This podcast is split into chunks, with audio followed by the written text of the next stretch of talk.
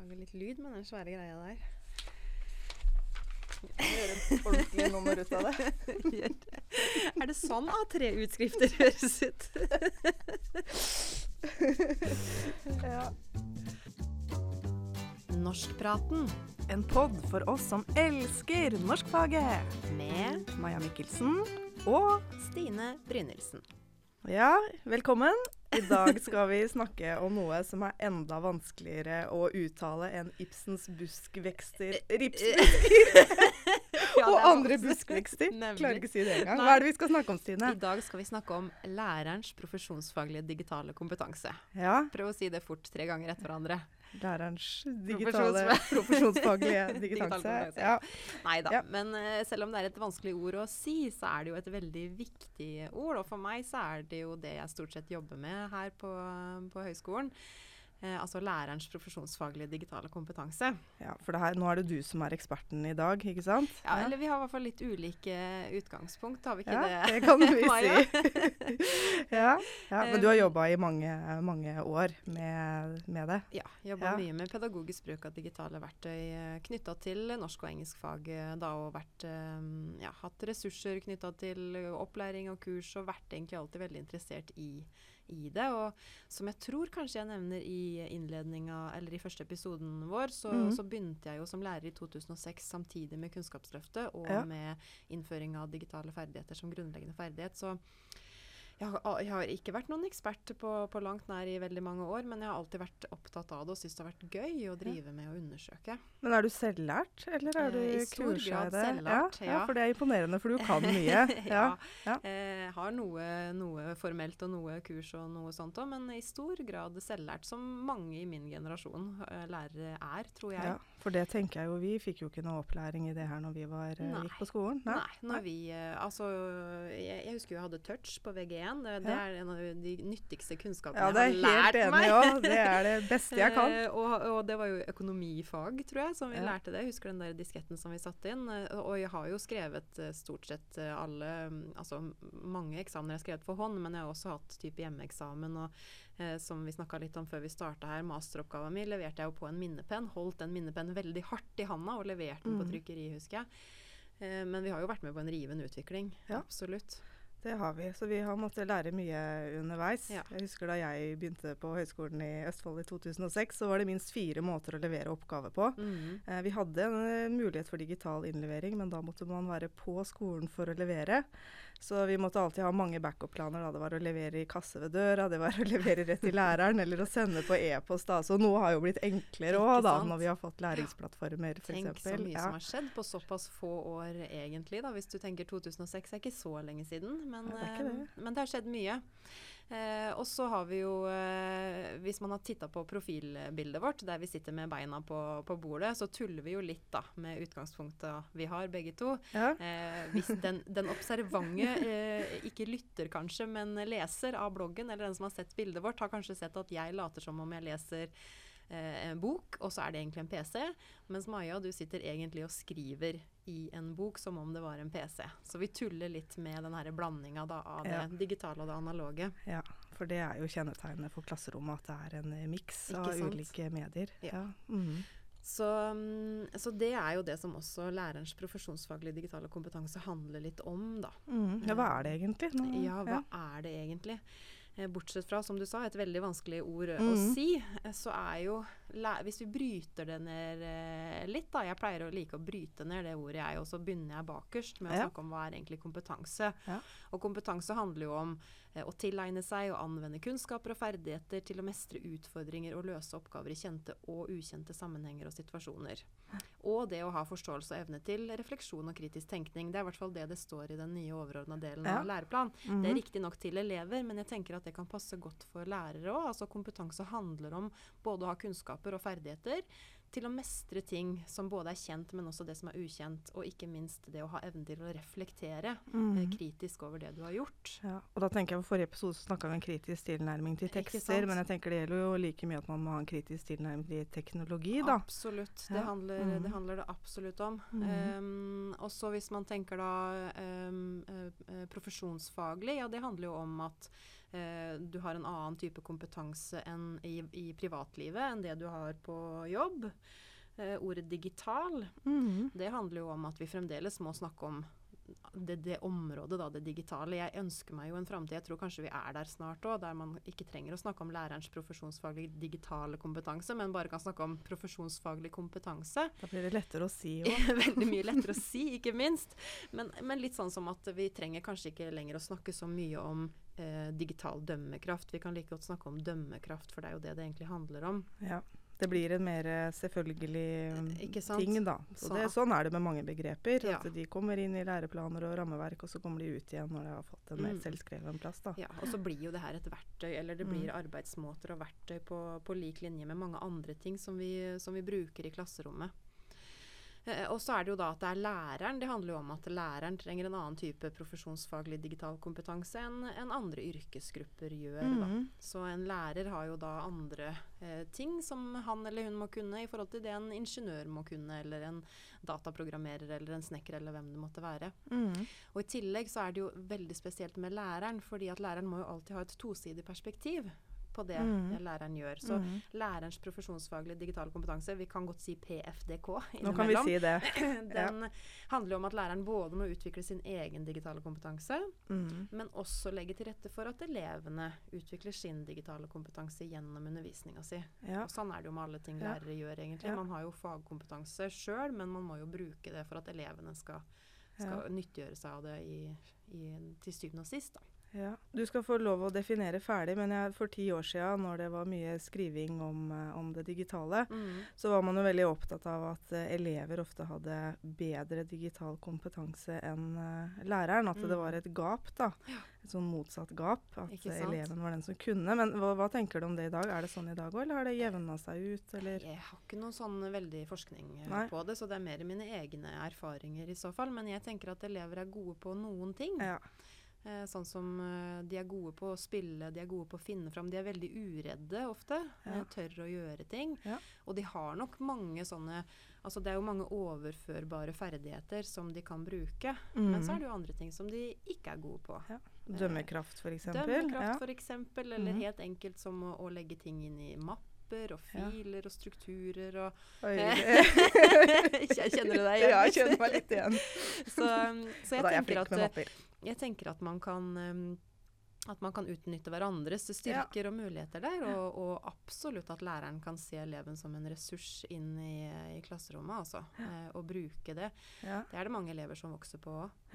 Ja. Um, men hvis vi går tilbake til litt til hva er egentlig profesjonsfaglig digital kompetanse, da, så er jo det Altså selve det begrepet, det er Det kom med Senter for IKT eh, i 2012, som Mhm. nå er en del av Utdanningsdirektoratet.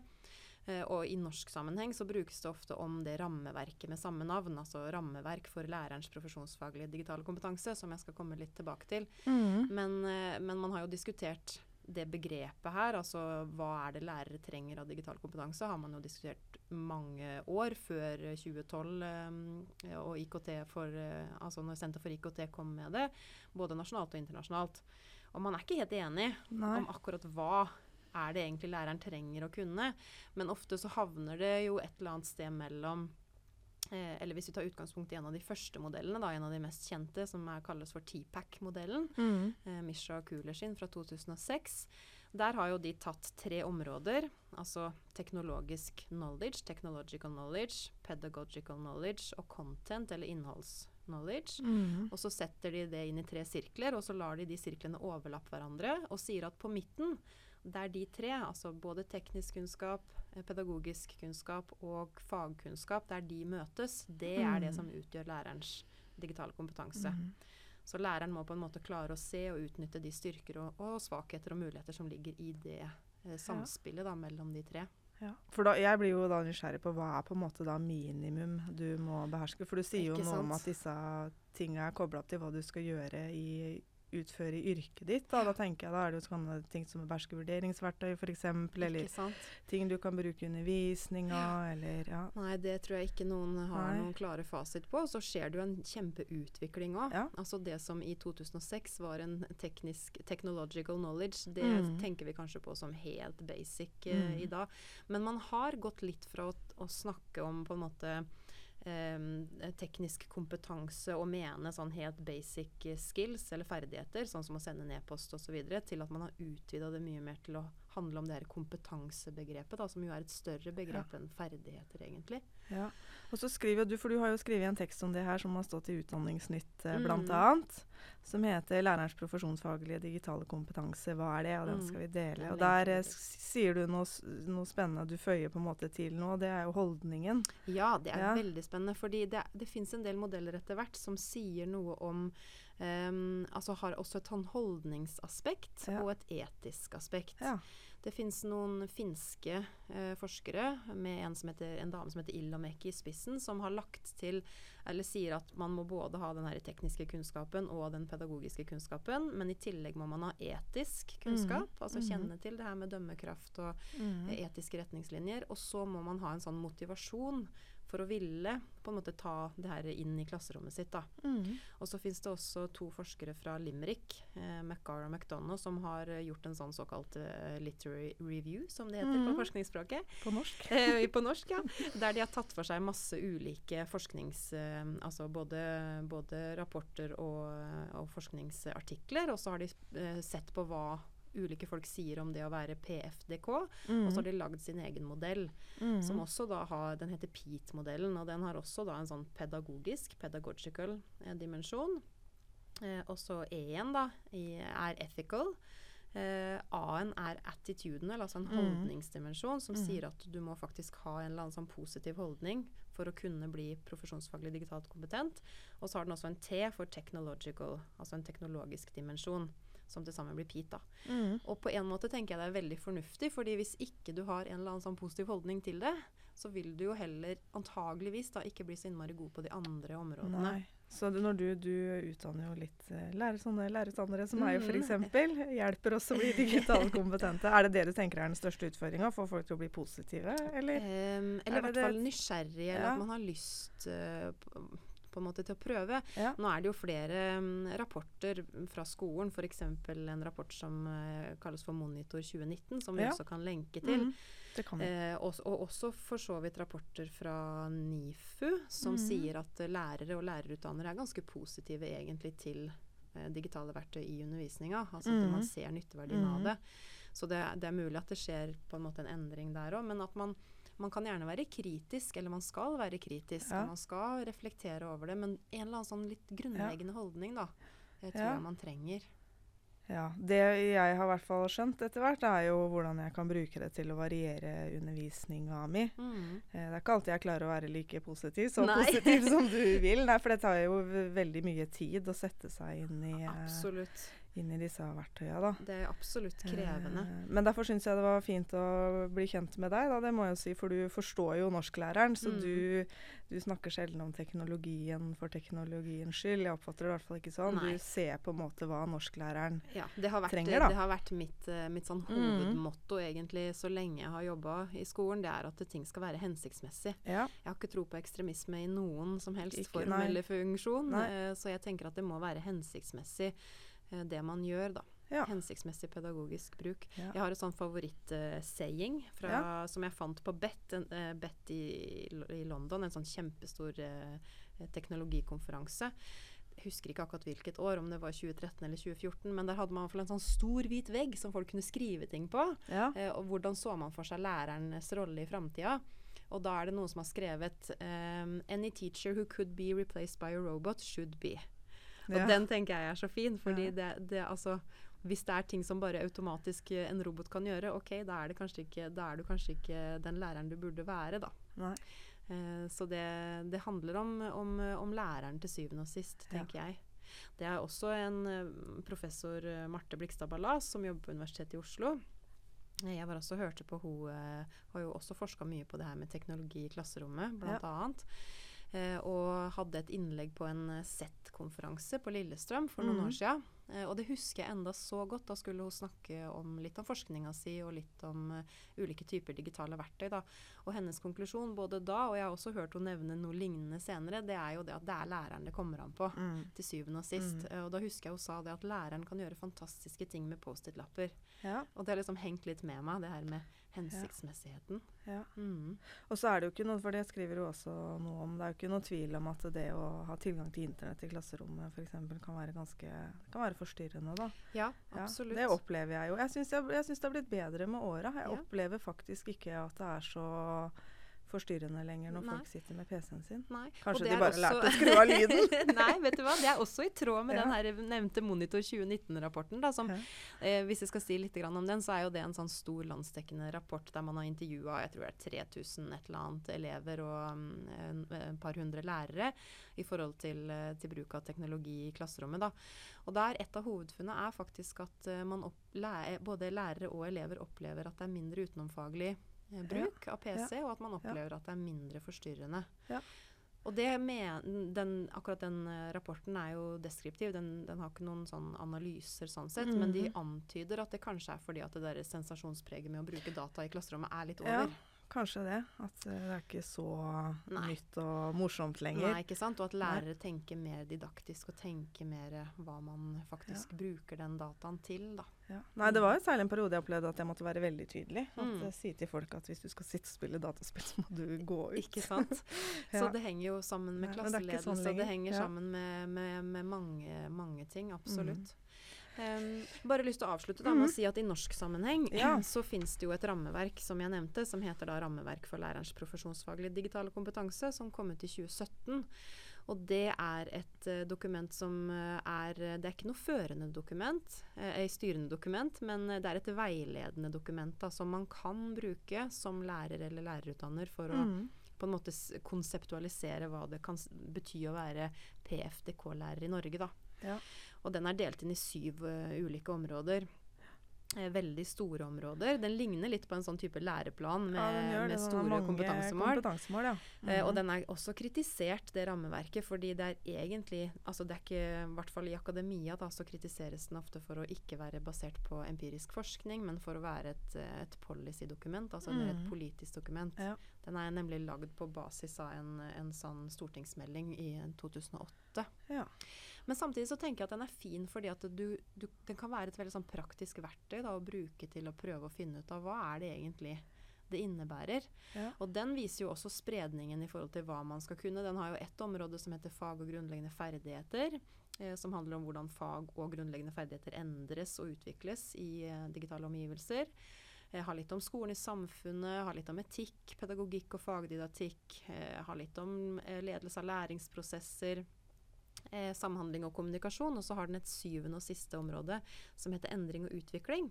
Som jeg syns er kjempeinteressant. Mm. For det handler om hvordan du som lærer Um, hele tiden Du må forstå da at det å utvikle digital kompetanse, det er faktisk en livslang prosess. Ja. Det er noe du ikke blir ferdig med. Det er noe du må klare å drive fram sjøl. Mm. Um, og du må også være i stand til å dele kunnskapen din med kollegaene dine og, og omverdenen. Og til og med være med kanskje å skrive strategier eller lokale lærings, læreplaner osv. Mm. Men den her tanken om at du blir ikke ferdig, på en måte. Nei. Eh, og da er det jo sikkert kjekt å ha litt sånn positiv holdning òg. At Ja, man syns det er litt moro. Ja, ja. Skal, vi, skal vi si litt mer om hva det kan innebære å være profesjons, profesjonsfaglig digitalt kompetent i norskfaget? Ja, Ja, det jo er jo det? veldig eh, interessant, syns jeg. da, mm. Fordi at det vet vi egentlig veldig lite om. Sånn, if, så vidt jeg vet. Ja. Jeg har undersøkt litt. Ja. Um, jeg har jo hatt ansvar for å uh, utvikle den her eh, PFDK-muken som vi har retta mot norsk- og engelsklærere i videregående. Mm. Og den første modulen der, den heter IKT og læring i norskfaget. Selv om jeg er litt skeptisk til bruken av IKT, syns det er litt begrensende. Men, uh, men det, det står noe sånn i studieplanene. Uh, og da tenkte jeg hm, hvis jeg skal finne ut av det her, så må jeg finne ut hva, må jeg sjekke litt. Er det noen som har forska på det her? Hva, hva fins? Og det fins jo mye fagdidaktisk forskning knytta til eh, hva skjer med lesing i digitale mm. omgivelser? Hva skjer med skriving? Fins det jo noe? Eh, multimodale tekster. Mm. Altså, det fins en del sånn fagdidaktisk forskning, men så vidt jeg vet, så er det ikke så mange som har sett på hva altså forska på hva innebærer det å være en digitalt kompetent norsklærer per Mhm. se, da. Mm. Hva spurte du om uh, i den spørreundersøkelsen? Ja, ja, så jeg har lagd en spørreundersøkelse Ja, ja. uh, i forbindelse med den uken, boken, helt sånn uhøytidelig, som jeg eh, Bare for å ta tempen litt, rett og slett, på hva norsklærer mm, tenker. Så den delte jeg ut uh, i sosiale medier. Da. Jeg har ikke fått voldsomt mange svar, men jeg har fått eh, 27 svar. Eh, og det kan jo si noe. og den, Vi kan også legge ut lenke til den eh, undersøkelsen, enten hvis noen har lyst til å svare på den, vil? Ja. eller hvis eh, noen har lyst til å lese mer, mer nøye, da. Eh, og jeg har heller ikke systematisert de funnene her, altså, så det er ikke forskningsfunn jeg presenterer nå. Men eh, det som mange trekker fram, da, da spurte jeg f.eks. Eh, altså hvilken eh, digital kompetanse er det spesielt viktig for en norsklærer å ha eller å anvende i norskfaget. Mm. Og da er det jo mange som trekker fram det her med å kunne skrive da, eller produsere ulike typer tekster. Eh, og Mhm. kildekritikk. Mm. Kildebruk og kildekritikk. Det er liksom de tre tinga som jeg syns går igjen mye. Um, og hvilke digitale kompetanser er det viktig at elevene får i norskfaget, spurte jeg også om. Og da svarer man det samme. Det å kunne bruke skriveprogram på en god måte. Mm. Eh, lesing nevnes også. Og kildebruk og kildekritikk Mhm. eh, nevnes mye. Mhm. Så spurte jeg også eh, på hvilke måter man tenkte seg at eh, norskfaglig digital kompetanse kunne skille seg fra digital kompetanse Ja. i andre fag. Ja, det er interessant. Og da er det faktisk nesten Altså flertallet svarer at de er usikre Ja. på om det er noe forskjell. En skriver til og med Det der syns jeg var et ledende spørsmål, for nå antar du at det er forskjeller. ja. Um, så, mens andre skriver da igjen det her med særlig med tekstkompetanse, da, som de trekker fram som spesielt for norskfaget. For jeg tenker at I norskfaget skiller man jo gjerne på å skrive for å lære å skrive for å lære å skrive. Mm. Og da tenker jeg jo at norsklæreren også i forhold til skriveverktøy får en helt spesiell oppgave. da, For vi skal Mm. ikke bare lære gjennom å skrive, men vi skal faktisk lære skrivinga i seg sjøl. Ikke sant? Og så tenker jeg også det at i og med at norskfaget er det faget som har da ansvar for tre av de fem grunnleggende ferdighetene, eller hovedansvar, mm. både lesing og skriving og muntlighet. Eh, Og det er jo også grunnleggende ferdigheter som påvirkes veldig av digitale ferdigheter. Ja, det er jo overlapp der. De Ikke er jo sant? ikke sånn veldig atskilte, egentlig. Nei. Så, da, så, det, så jeg tenker at norsklæreren har en, en veldig viktig rolle på, på mange måter, da. Mhm. Men jeg er jo helt enig i det, og at det er mange kompetanser som er eh, fullstendig fagovergripende. Men jeg tror liksom på at det er noen ting som også er fagspesifikke, da. Mhm. Knytta til det som er For det tenker jeg er viktig, at profesjonsfaglig digital kompetanse, det er ikke bare noe som svever utapå et fag, men det er noe du selvfølgelig skal ta inn eh, i faget. Ja. Um, Og kanskje i forhold til sånn etisk dømmekraft og sånne Ja. ting, så er det jo absolutt overlapp med ting som er viktige i norskfaget. Absolutt. Eh, og så kan man jo gjøre de her mer overlappende temaene til fagspesifikke òg. Ja. Hva slags type dømmekraft eller hva slags type kritisk lesning er viktig i norskfaget da, kontra Mm. i andre fag som kanskje har andre temaer eller andre ting man jobber med. For du må jo knytte det til, til læreplanmåla, Ja. tenker jeg. Ja. Eh, er viktig. Ja. Mm. Skal vi eh, si litt om Vi må være bitte litt sånn kritiske til slutt også. fordi at nå er det jo Skal vi være kritiske. veldig, ok, vi skal være kjempekritiske til slutt. Nei, For det er mye diskusjoner nå om eh, at det digitale får så stor plass i skolen. da, Og Mm. at eh, noen vil kanskje spørre seg om ikke skolen heller bør være en motvekt til det digitale. At elever nå går med en mobil i hånda hele Mm. tida, og så skal de sitte foran en skjerm på, på skolen også. Mm. Bør de ikke få en litt fri fra teknologien? Ja, jeg, lå, ja, jeg lå og tenkte på om natta at nå er det jo eneste stedet man, ikke, man har fri fra teknologi, er kanskje i friminutta på barneskolen, ikke sant? Jeg Ellers tenker, er det ingen steder. eh, Nei, Ja. hvis vi skal starte litt med den mobildiskusjonen som har gått opp og ned, så har jeg også min helt personlige mening er at dersom man skulle snakke om mobilforbud i skolen, så burde man snakke om mobilforbud i friminutta. Mm. Fordi jeg tenker inni et klasserom, der har du som lærer ganske god kontroll. Mm. Eh, altså det handler jo om din klasselederrolle. Mens i friminutta, jeg ser det særlig Jeg har jobba mest med eldre elever, selvfølgelig, da. Mm. Eh, der jeg heller ikke har noen makt på en måte til å tvinge de ut eller til å få de ut og leke. Mm. Når du Mhm. er 16-17, så er ikke det like lett. Men, men jeg tenker jo at det er i de her eh, sosiale pausene som elevene virkelig trenger å snakke sammen, og der man kan gjemme seg bort med den mobilen. Mm. Eh, så, så det tenker jeg er kjempeinteressant. Men ellers så har jeg også, tenker jeg også det at det er en del av lærerens profesjonsfaglige digitale kompetanse. Å Mhm. vite når man skal skjerme elevene, når man skal eh, det blir, blir, jo viktig for oss både i norskfag og andre fag i forhold til det her med eh, livsmestring, ikke sant, og det mm. å ha mm. god psykisk helse, og det å lære ja. elevene ja. at det faktisk går an å ta en pause. Ja. For, for, det jeg syns, og som jeg blir litt bekymra for altså Barneidealer har jo skifta opp gjennom historien mange ganger, selvfølgelig. Men mm. i dag er det jo veldig viktig å eksponere seg sjøl og bli likt. da, ikke sant? Alle mm. barn vil jo bli youtubere, f.eks. Eh, og det er òg en litt sånn forventning om at vi lærere òg skal være mer der ute og eksponere oss og lage podkast og YouTube-videoer. At uh, våre studenter og elever altså skal ha tilgang på oss hele, hele døgnet. Mm. Så jeg tror jeg er litt sånn bekymra for kanskje de da særlige elevene som ikke har det store eksponeringsbehovet, eller som uh, og, og, trenger å skjermes sant? litt, eller ikke ønsker å være så Nei, eksponert absolutt. i alle sammenhenger. Og det tenker jeg jo er igjen opp til læreren, altså lærerens gode mm. dømmekraft. Da, for jeg har også og nå med GDPR så er det enda vanskeligere å be elever om å dele ting. Så nå, nå må man jo dele ting ja. i, i uh, veldig sånn ordna former da, innafor de, um, de databehandleravtalene som du har. Mm. Så hvis du ber en elev om å dele noe på YouTube nå, så er ikke det ok. rett og slett. Men Nei. du kan jo godt be eleven om å dele det inne på Teams eller et, ja. et, eller annet sånn lukka sted. da. Så, så, det tenker jeg jo at det handler om. Men, men også det her med at altså, både legge til rette for at det er en del av samfunnet. Sånn er det. Vi, vi deler og vi, vi er eh, åpne og, og, synlige. Men at det er helt greit å ikke gjøre det innimellom òg. Mm. Eh, men jeg, også, jeg tenker at det igjen det handler om det her med livsmestring og å lære seg litt sånn digitalt medborgerskap òg, mm. da. Mm. Men jeg er faktisk mer bekymra for Jeg er ikke så bekymra for den digitaliseringa som skjer i skolen. Sånn sett. Jeg er mer bekymra for, eh, for, fritidsbruken. Mm. Um, og jeg tenker at man bør være mer bekymra for å skape digitale skiller i skolen ved å la være å bruke digitale verktøy, ja. enn omvendt. Fordi nå er det litt sånn det, det, har nok kanskje blitt en del større forskjeller. Eh, noen skoler satser tungt på digital teknologi, begynner med programmering, begynner med å jobbe med en del ferdigheter som man tenker elever trenger for framtida. Ja. Mens andre skoler er mye mer tradisjonelle. Eller har ikke tilgang, kanskje. Mm. Selv om nå, nå, har jo de fleste, det viser også den monitorrapporten, at de fleste har jo nå fått veldig mye bedre tilgang til utstyr. Men at allikevel er store eh, forskjeller da, skolene imellom. Mm. Så jeg tenker at uh,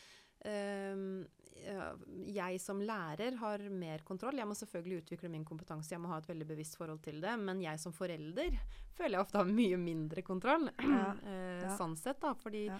Eh, ungene er med Man er med venner hjem. Det er en helt sånn naturlig del av det å spille, det å være mm. på skjerm, ikke sant. Og du er den kjipe hvis du slår av. Da går det jo bare et annet sted, da. Ja. Så, mm, så, egentlig tenker jeg at uh, foreldre Mm. Eh, og fritidsbruk er en større bekymring sånn sett. Ja. Jeg kan, være, ja, jeg kan være enig i det, samtidig som jeg òg er litt for at skolen skal være litt motvekt. Og ja, sånn som du sier, åpne fordi um, at det er mange mm. tidsbolker i løpet av dagen hvor det ikke skjer noe som har med skjerm ja, å gjøre. Da. Og ikke minst vise elevene hvordan man klarer seg helt fint uten skjerm. Altså at man har et bevisst forhold til, til, det, og til det å lære seg til å snakke med hverandre ansikt til ansikt, og det å delta i en diskusjon som ikke man skriver, men der man faktisk bare sier det man tenker. Og, mm. Altså en del sånne ferdigheter som mellommenneskelige ferdigheter som man trenger. Ja, ja fordi når, når, nettet kom, så var man i forskningen var man jo bekymra for noe man kalte the information gap. ikke mm. sant? At uh, ulike hjem hadde ulik tilgang til teknologi. At kanskje ikke noen hadde nett mm. hjemme mm. da. Uh, og så fikk ikke barn tilgang på den samme informasjon. Uh, mens nå er det jo mer bekymring knytta til det du er inne på. Da, mm. Den sosiale kompetansen og det vi snakka om i forrige episode, kritisk tilnærming til tekst. ikke sant? For det er det ikke alle barn som får støtte til eh, hjemme. Nei, absolutt Nei. ikke. Så det tenker jeg jo blir skolens viktig, en veldig viktig oppgave for lærere, som sagt. Um, at man er klar over de tinga der. Og også at lærere fortsetter. Men det handler igjen om det å ha en god profesjonsfaglig digital kompetanse. Da, for det handler jo om både det kritiske perspektivet mm. og, det, og, det, å vite når det er hensiktsmessig og ikke, og at man har liksom Eh, alle de aspektene ligger jo bakt inne. Jeg mener jo absolutt ikke at en profesjonsfaglig digitalt kompetent lærer er 100% positiv til alt som har med det digitale å gjøre. Det tenker jeg, Da er, det, mm. da er du på villspor. Um, men at du har et reflektert og kritisk forhold til det. Men også at du ja, da har den her litt iveren etter å ha lyst til å teste ut, i hvert fall. At mm. du tenker at ja, men jeg, jeg må i hvert fall prøve. Mm. Eh, det som er litt interessant sånn avslutningsvis også, da, det er jo hvordan lære Altså hvordan blir man egentlig profesjonsfaglig digitalt kompetent? Ja. Og der er det også noen interessante funn i denne monitorrapporten som sier at uh, Vet du hvordan lærere først og fremst blir digitalt kompetente? Nei. Nei. De gjør det gjennom å prøve å feile sjøl. Ja, det er jeg glad du det- sier det, er det, det er det som skjer. Jeg slåss jo med printeren i dag.